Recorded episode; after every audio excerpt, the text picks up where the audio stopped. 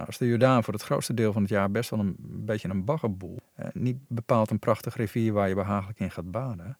En dus wordt Naaman boos. Hij keert zich om en is eigenlijk klaar om weer naar huis te gaan. En daarmee ook klaar om zijn wonden te gaan missen.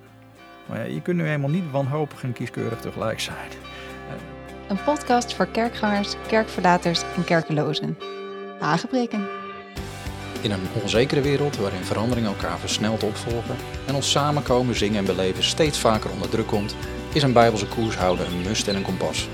Tuurlijk, het is jouw leven, het is jouw schip, maar de beste stuurlui, die hebben een loods. Mijn naam is Benaya en ik vaar graag een handje met je mee.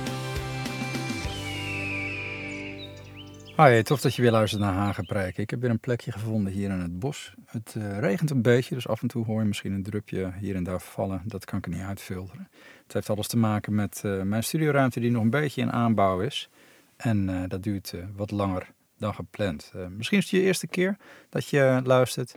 We zijn hier aangekomen op een plek, op een digitale plek, waar we ons leven en ons opgroeien in het verborgen koninkrijk van God onder de loep nemen.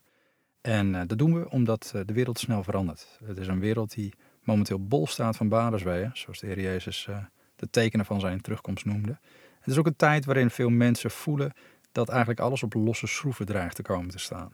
alles wat we voor lief hadden genomen, zekerheden die we in het natuurlijke dachten te hebben, zoals nou dingen als een betaalbare woning of basisbehoeften als gas, water, licht. Straks misschien zelfs voedsel, wie zal het zeggen, inkomen, pensioen, gezondheid, alles lijkt op de tocht te staan. Als je het nieuws hoort, word je er knettergek van. Maar het vervolgens wel dat de vrede van veel mensen wordt geroofd. Want je gaat zonder geloof in God als vanzelf piekeren over hoe het nu allemaal verder moet. En zelfs voor gelovigen is het een uitdaging. Want wat staat er allemaal te gebeuren en hoe komen we daar doorheen? Misschien zeg je, ja, daar maak ik me gewoon niet te veel druk om, het komt vanzelf wel goed.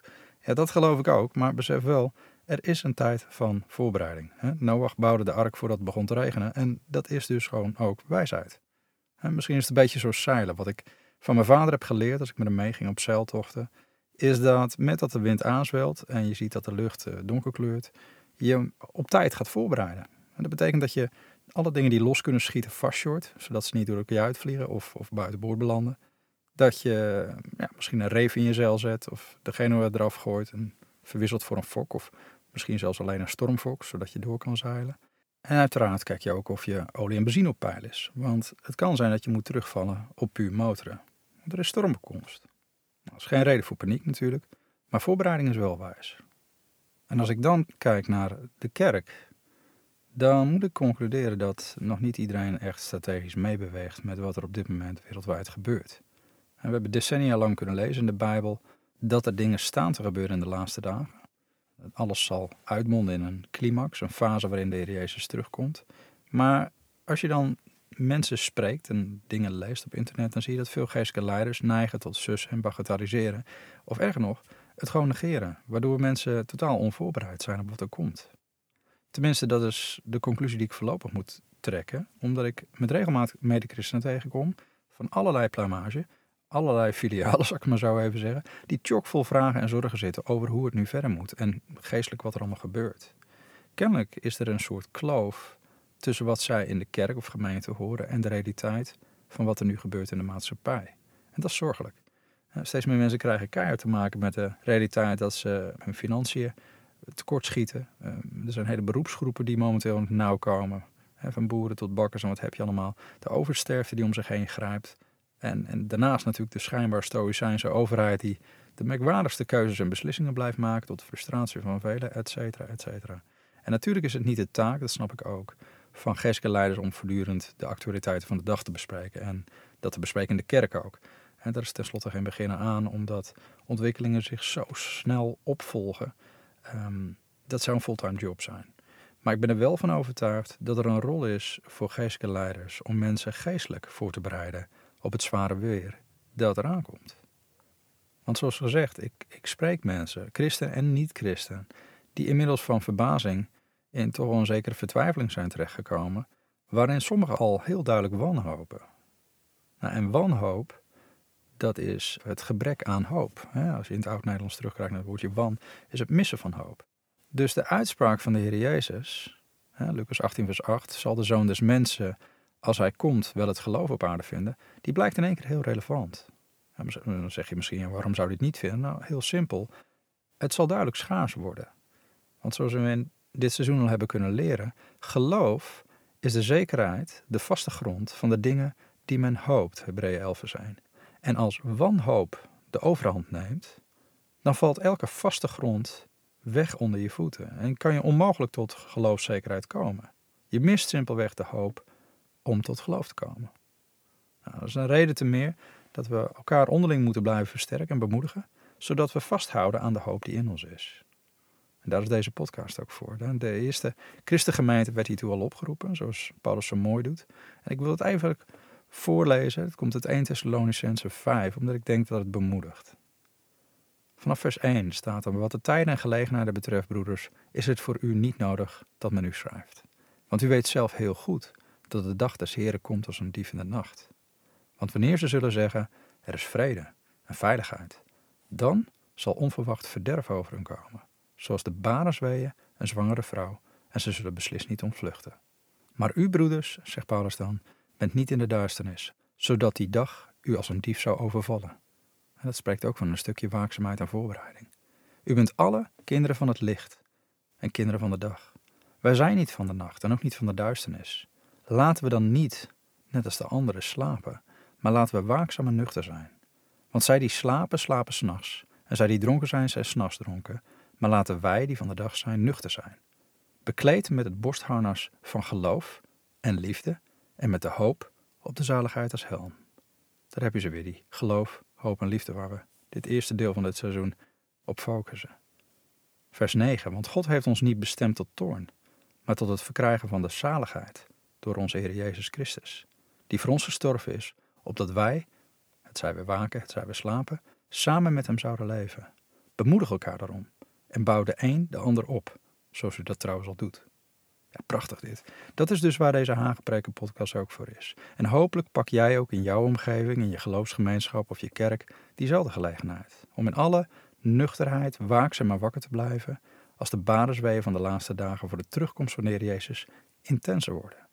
Maar meer nog dan dat, om anderen te bemoedigen en op te bouwen. Want je kan je geloof niet uitbesteden. En je kan ook niet meeliften op iemand anders geloof. Hè, omdat de staat rechtvaardige zal door zijn geloof leven. Maar je kunt wel vanuit een actief persoonlijk geloof geloof overdragen op de ander. Want geloof werkt aanstekelijk, hebben we het ook over gehad, twee afleveringen terug. Geloof is dus cruciaal in deze laatste dagen.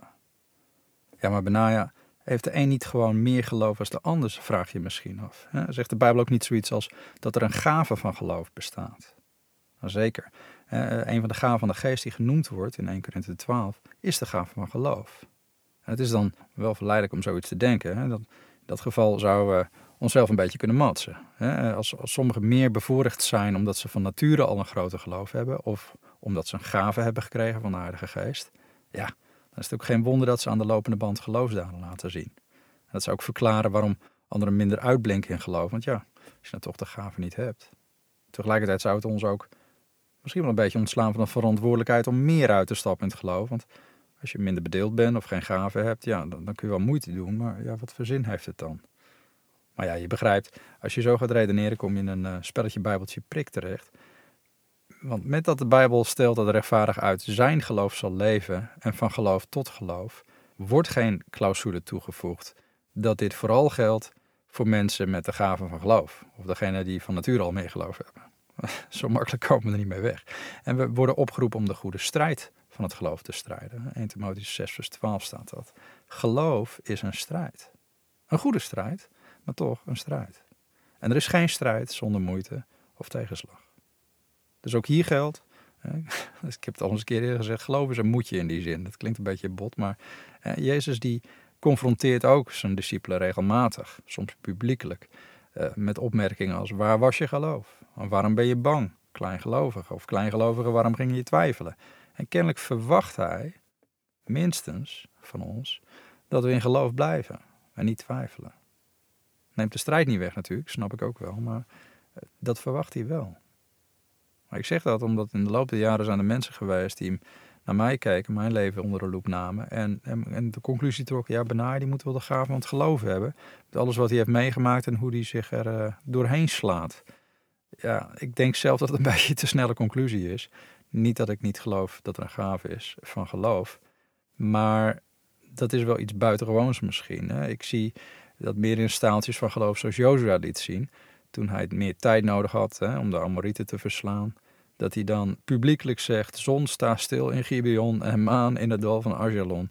Dat is nogal wat. Hè? Dan heb je een ferme dosis geloof nodig om ervan uit te gaan dat het hele zonnestelsel met je meebeweegt. Eh, met hetgeen wat jij moet volbrengen voor God. En daarom denk ik dat het, het gros van dingen die ik door geloof mocht bewerken en doen in mijn leven, eerder te maken heeft met een gewoon leren wandelen in geloof. En dan zeg ik leren omdat de eerste keer dat je ergens een uitstapt in geloof, gewoon ronduit lastig is. En gaandeweg leer je, wat, wat ik wel eens noem, om je geloofspier te ontwikkelen, zodat deze sterker wordt, als er zoiets zou zijn. Maar je, net als met een spier wordt die geoefend. En je krijgt meer vertrouwen en je wordt stabieler in je wandel. Oftewel, je gaat van geloof tot geloof, zoals de Bijbel zegt. Dat betekent niet dat de stappen die je neemt makkelijker worden of minder uitdagend. Het betekent alleen dat je eraan gewend raakt om die stappen te nemen in geloof.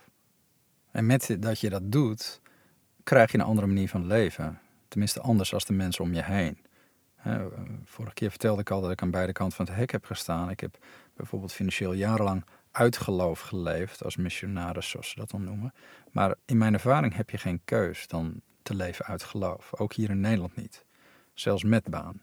En menig boer, bakker en bijstandsmoeder weet ook wel waar ik het over heb. Maar ik bedoel dat niet alleen inkomenstechnisch. Want als ik terugblik op de afgelopen zeven jaren, waarin mijn vrouw en ik moesten laveren door extreem veranderende omstandigheden, was geloof, en dat rotsvaste vertrouwen in de zorg en voorzienigheid van de Hemelse Vader, dat was onmisbaar in alles. Ik bedoel, we kregen binnen zeven jaren vier kinderen waar we eerst geen kinderen konden krijgen. Maar in die periode raakten we tegelijkertijd ook al onze veiligheid kwijt. Qua werk en inkomen stonden onder extreme stress en werden gestript. Echt letterlijk gewoon van vriendschappen, collega's, financiën, zelfs onze gezondheid, allebei. En toch waren we in staat om onze blik omhoog te houden. Vertrouwden we God in de storm. En heel eerlijk gezegd, soms het anker vasthoudend, hangend aan ons tandvlees. Maar God bleek trouw.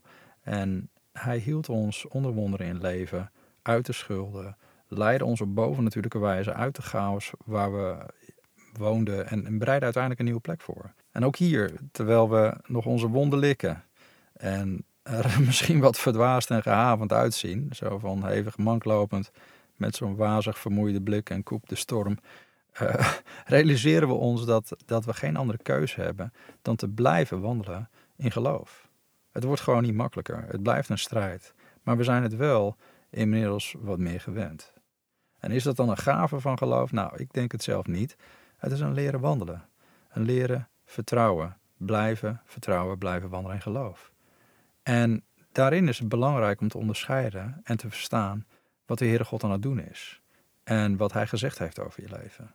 Er is namelijk een principe in het verborgen koninkrijk van God waaraan geloof ten grondslag ligt. En dit principe ligt hem in het feit dat wandelen in geloof niet zozeer een leerproces is, maar meer een herkenningsproces. Omdat je wordt geboren in het koninkrijk van God, is het een ontdekken. Meer nog dan een leren. Die twee lijken op elkaar, maar zijn zeker niet hetzelfde. Want leren is een proces. Herkennen is onmiddellijk. Leren is langzaam. En je moet van alles leren in dit leven. Het kost enorm veel tijd. Ik geloof dat ik in totaal 25 jaar aan de schoolbank heb gezeten vanaf de kleuterschool. Maar um, hetgeen wat je leert, landt vaak pas in de praktijk. En ook in de praktijk leer je dingen die je in de schoolbanken nooit leert. Dat geldt ook voor geloof. In die zin dat geloof niet een kwestie is van schoolbanken, maar je moet leren wat je ervaart. En je ervaart niet per definitie datgene waarover je leert. Misschien moet ik dat even toelichten. De Bijbel leert ons dat de mensen die het meeste van de schrift afwisten, die het meeste hadden geleerd, vreemd genoeg ook de meeste moeite hadden met Jezus. Ik bedoel, demonen herkenden hem. En mensen uit het volk die hem nodig hadden herkenden hem. Maar de schriftgeleerden, de theologen van die tijd, de priesters van het Sanhedrin, die herkenden hem niet. Ook al hadden ze meer geleerd dan iedereen. Zo was het ook met Saulus, voordat hij de bekende apostel Paulus werd. Hij was hoog opgeleid, bijzonder geleerd. En toch vervolgde hij de gelovigen in de Heer Jezus Christus. Dat is totdat hij een ervaring had met de Heer Jezus op de weg naar Damascus. En in die ervaring, is het eerste wat hij kon uitbrengen. Wie bent u, Heere? Hij herkent hem en erkent hem als Heere, Kyrios zegt het, uh, het Grieks, hè? Supreme Master. De, de Heere zei, ik ben Jezus die u vervolgt. En het is hard voor u om met de hielen tegen de prikkels te slaan. En het punt is dan hier in dit, is dat hij herkende onmiddellijk de macht die hem overweldigde als superieur. Vandaar dat je geloofservaring bepalend is van hoe je verder wandelt met de Heer. Dat zie je bijvoorbeeld ook aan Samuel. De grote profeet Samuel werd als kleine jongen bij de tempel gebracht door zijn moeder, Hanna, en hiermee teruggegeven aan God als een daad van geloof. In de vorige aflevering van Hagepreik hebben we het gehad over hoe persoonlijk geloof kan worden overgedragen op anderen. Nou, dat is dan zo'n voorbeeld van een moeder en haar kind, haar zoon. Maar lang nadat zijn moeder er niet meer was en zijn mentor in de tempel, de hoge priester Eli, was overleden, wandelde Samuel nog steeds met God in geloof. En wel op zo'n manier dat er over hem staat geschreven dat de Heer met hem was en niet één van zijn woorden onvervuld liet. Oftewel, alles wat er uit de mond van Samuel kwam, gebeurde zoals hij had geprofiteerd. Het is zelfs zo dat de Filistijnse vijanden van Israël letterlijk geen voet aan de grond krijgen zolang Samuel leefde. Het was echt een hele bijzondere man. Maar even fast forward in het leven van Samuel. Er komt een punt dat Saul, de koning van Israël in die tijd, niet langer de wegen van God volgt. En dat de Heere God hem dan de opdracht geeft om zijn hoorn te vullen met zalfolie en te gaan naar het huis van Jesse om een van zijn zonen als nieuwe koning van Israël te zalven. Het boeiende is dan dat Samuel geen verdere details krijgt. God vertelt hem niet wat de naam van deze zoon was en hij geeft hem ook geen omschrijving hoe hij eruit ziet, maar daar zit hij niet mee. Samuel zit er totaal niet mee. Hij vult zijn hoorn en gaat op weg. Hij wandelt al langer met God en in geloof weet hij, ik herken hem wel als ik hem zie. Dat is precies het punt. Want qua geloofswandel moet je dingen kunnen herkennen. Je moet weten wat je voor je ziet en wat je ziet moet je herkennen, zodat je in geloof kan uitstappen. Deels heeft het ook te maken met het verstaan van Gods stem op het moment dat je iets krijgt te zien. Het eerste seizoen van Hagepreken legde ik dit uit, in aanleiding van Habakkuk 2, dat als je alert bent, of zoals Habakkuk zegt, als je op je wachtpost staat, dan zal je kunnen zien wat God in je zal spreken. Lees het maar eens na thuis. Geloof heeft alles te maken met alert en waakzaam zijn, op die wachtpost staan, zodat je kan uitstappen op hetgene dat je herkent op het moment dat je ziet. Want datgene wat je ziet resoneert in feite met wat hij in je zal spreken op dat moment. En vanuit dat gezichtspunt klopt de uitspraak eerst zien en dan geloven misschien wel, al is het wel wat je ziet en herkent, dat is gelinkt aan hetgene wat je hoort op dat moment in je, in je geest. Laten we nog even verduidelijken met een ander voorbeeld, anders blijft het misschien nog wat vaag voor je. We zien in Lucas hoofdstuk 4 bijvoorbeeld dat Jezus het als volgt uitlegt. Hij komt dan in Nazareth, vanaf vers 16 staat er waar hij opgevoed was. Hij ging naar zijn gewoonte op de dag van de Sabbat naar de synagoge en stond daar op om te lezen. En aan hem wordt dan een boek gegeven van Jezaja. En toen hij het boek open gedaan had, vond hij de plaats waar geschreven stond het volgende. De geest van de Heer is op mij, opdat hij mij gezalfd heeft. Hij heeft mij gezonden om aan armen het evangelie te verkondigen en om te genezen wie gebroken van hart zijn. Om aan gevangenen vrijlating te prediken en aan blinden het gezichtsvermogen, om verslagenen weg te zenden in vrijheid, om het jaar van het welbehagen van de Heer te prediken. En toen hij het boek had dichtgedaan en aan de dienaar had teruggegeven, ging hij zitten en de ogen van iedereen in de synagoge waren op hem gevestigd. En hij begon tegen hen te zeggen: Vandaag, heden, is dit schriftgedeelte in uw oren in vervulling gegaan. En daarmee dropte Jezus een bom. Dat was me nogal een claim. Daarom staat er ook in vers 22.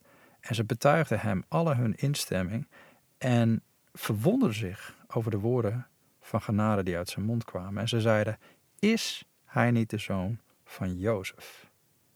Maar hij zei tegen hun: U zult mij ongetwijfeld dit spreekwoord voorhouden. Dokter, genees u zelf.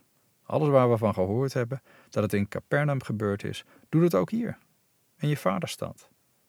En toen zei hij: Voorwaar, ik zeg u, geen profeet is geaccepteerd in zijn vaderstad.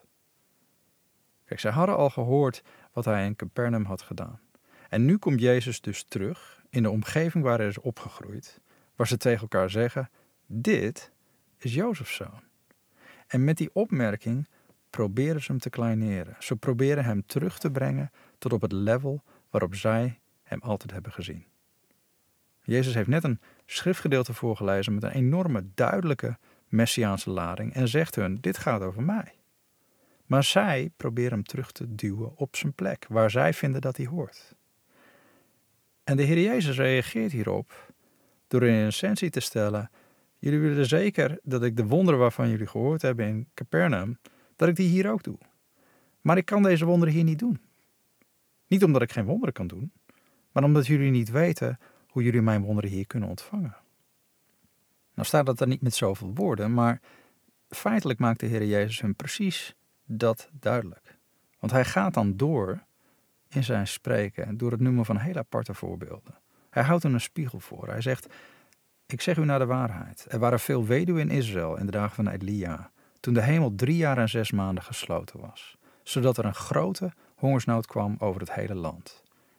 En naar geen van hen werd Elia gezonden, maar wel naar Zarfat, bij Sidon, naar een vrouw, een weduwe. Jezus zegt er waren veel weduwen in Israël. Er was een grote hongersnood. Je moet dit begrijpen. Als weduwe stond je in die tijd onderaan de voedselketen. Weduwen zaten in een risicogroep. En het waren er veel. En het waren er veel tijdens een hongersnood. Maar er was er maar één naar wie de profeet werd gestuurd. En het geloof van die ene weduwe werd het verschil in haar leven. Het was namelijk geloof dat haar in staat stelde om te herkennen waar ze naar keek wie er voor haar stond. Je moet voorstellen, ze zat in een vreselijke positie. Dat ze nog maar één maaltijd te gaan had voor haar zoontje en voor haarzelf. En dan is ze hout aan het sprokkelen om dit galgemaal klaar te maken als er een profeet aan komt lopen en haar om water vraagt. En dan ook niet om een bekertje water, hij geeft haar een kruik mee om dit te doen. En terwijl ze wegloopt om het te gaan halen, roept hij haar ook nog achterna: Breng ook een stuk brood van me mee. En dan heeft ze dus op dat ene moment een keus. Ze heeft één moment om te beslissen, om iets te herkennen als op moment gecreëerd door God of niet. Ze heeft geen tijd voor een cursus in geloofsgroei. Ze heeft geen mogelijkheid voor een Bijbelstudieavond. Ze gaat sterven die dag. Ze zit aan haar laatste beetje meel. Ze moet dus meteen herkennen wat ze in handen heeft. En dat is hoe geloof wordt ingezet. Je moet de deur herkennen die God voor je wil openen. Je moet de mensen herkennen die God op je weg stuurt. Je moet de dingen van God kunnen herkennen. Je moet op een gegeven moment weten hoe dit eruit ziet. En de mensen in Nazareth, die konden dat niet. En dan noemt Jezus nog een voorbeeld. Hij zegt, ook waren er veel melaatsen in Israël in de tijd van de profeet Elisa. En geen van hen werd gereinigd. Maar wel Naaman, de Syriër. Boeiend genoeg zette de Heer Jezus deze twee verhalen naast elkaar. Naaman was een belangrijke militaire bevelhebber uit Syrië. Twee Koningen 5 lees je dat. Maar hij is melaats. Hij is lepra, noemen we dat tegenwoordig. En met dat hij naar de profeet Elisa gaat in Israël, op aanraden van zijn dienstmeisje, ontdekt hij dat de zogenaamde grote profeet helemaal niet het fatsoen heeft om hemzelf te woord te staan. En dan ook nog eens geeft hij hem een bizarre opdracht om zich zeven keer in de rivier de Jordaan onder te dompelen. Nou, als de Jordaan voor het grootste deel van het jaar best wel een, beetje een baggerboel, eh, niet bepaald een prachtige rivier waar je behagelijk in gaat baden. En dus wordt Naaman boos. Hij keert zich om en is eigenlijk klaar om weer naar huis te gaan en daarmee ook klaar om zijn wonden te gaan missen. Maar ja, je kunt nu eenmaal niet wanhopig en kieskeurig tegelijk zijn. Eh, gelukkig was Naaman gezegend dat er mensen bij hem waren. Zijn dienstknechten zeiden tegen hem: Ja, als die profeet nou iets moeilijk tegen je had gezegd, had je het ook gedaan. Maar nu vraagt hij iets simpels. Dus ja, was je en dan, dan ben je rein. En dat is het ook, hè? Soms moet je iemand bij je hebben die het moment herkent, wat jij misschien zelf niet herkent. Iemand die tegen je kan zeggen: nu niet opgeven, niet stoppen, neem nog een stap, domp jezelf nog een keer onder. Kom op, geef geloof in God en wonderen niet op. Ga door. En dat deed Naaman. En er gebeurde niets de eerste zes keer. Hè. Dat is dan ook weer zoiets. Dat kan heel ontmoedigend werken. Maar ongetwijfeld onder aanmoediging van zijn dienstknechten komt hij na de zevende keer uit het water met een babyhuidje zo glad. Maar waarom vertelt Jezus dit? De mensen in Nazareth wilden wat andere mensen hadden gekregen, maar ze zagen niet wat andere mensen zagen. Ze herkenden het niet. En daarom is het belangrijk dat we niet alleen waakzaam, maar ook opmerkzaam blijven. Dat we de Heilige Geest van God, de geest van wijsheid en openbaring in het kennen van de Heer, dagelijks vragen om de ogen van ons verstand te verlichten, zoals zo mooi staat beschreven in Efeze 1, vers 18. Want dat zullen we nodig hebben. En dat is niet alleen, zoals het er staat, om de hoop van zijn roeping te kennen of de rijkdom van wat we mogen beërven. Maar vooral ook, in vers 19 staat er, om de alles overtreffende grootsheid van zijn kracht aan ons die geloven, overeenkomstig de werking van de sterkte van zijn macht. Lees het alsjeblieft nog een keer na thuis, Efeze 1, vers 18 tot 19. Het punt is dit: God wil dingen spreken in ons. En als wij staan op onze wachttoren, als wij waakzaam zijn, verlangend en alert om te zien wat Hij ons zeggen zal, dan zullen we op het moment dat het gebeurt het ook herkennen. En dan kunnen we erin uitstappen. Samengevat, er is een spreken in je binnenste en er is een herkennen van een moment. En die twee komen samen in de stap van geloof. Ik heb een beetje een omweg genomen om hier te komen, maar de vraag is natuurlijk: hoe kan je dat moment herkennen? En dat brengt ons bij een volgend aspect van geloof. Want of je iets herkent, heeft niet alleen te maken met hoe je kijkt, maar ook hoe je luistert.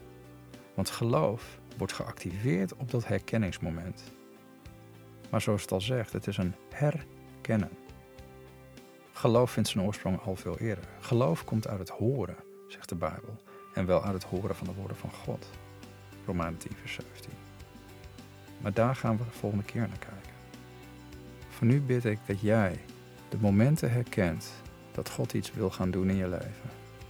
En dat het resoneert met hetgene wat je op dat moment in jou hoort. Zoals de geest tot je spreekt.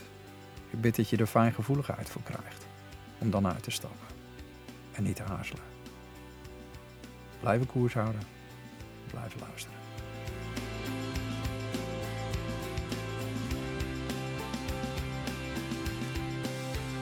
Heb je vragen, aanvullingen of opmerkingen? Mail dan even naar podcast.centkernheim.com.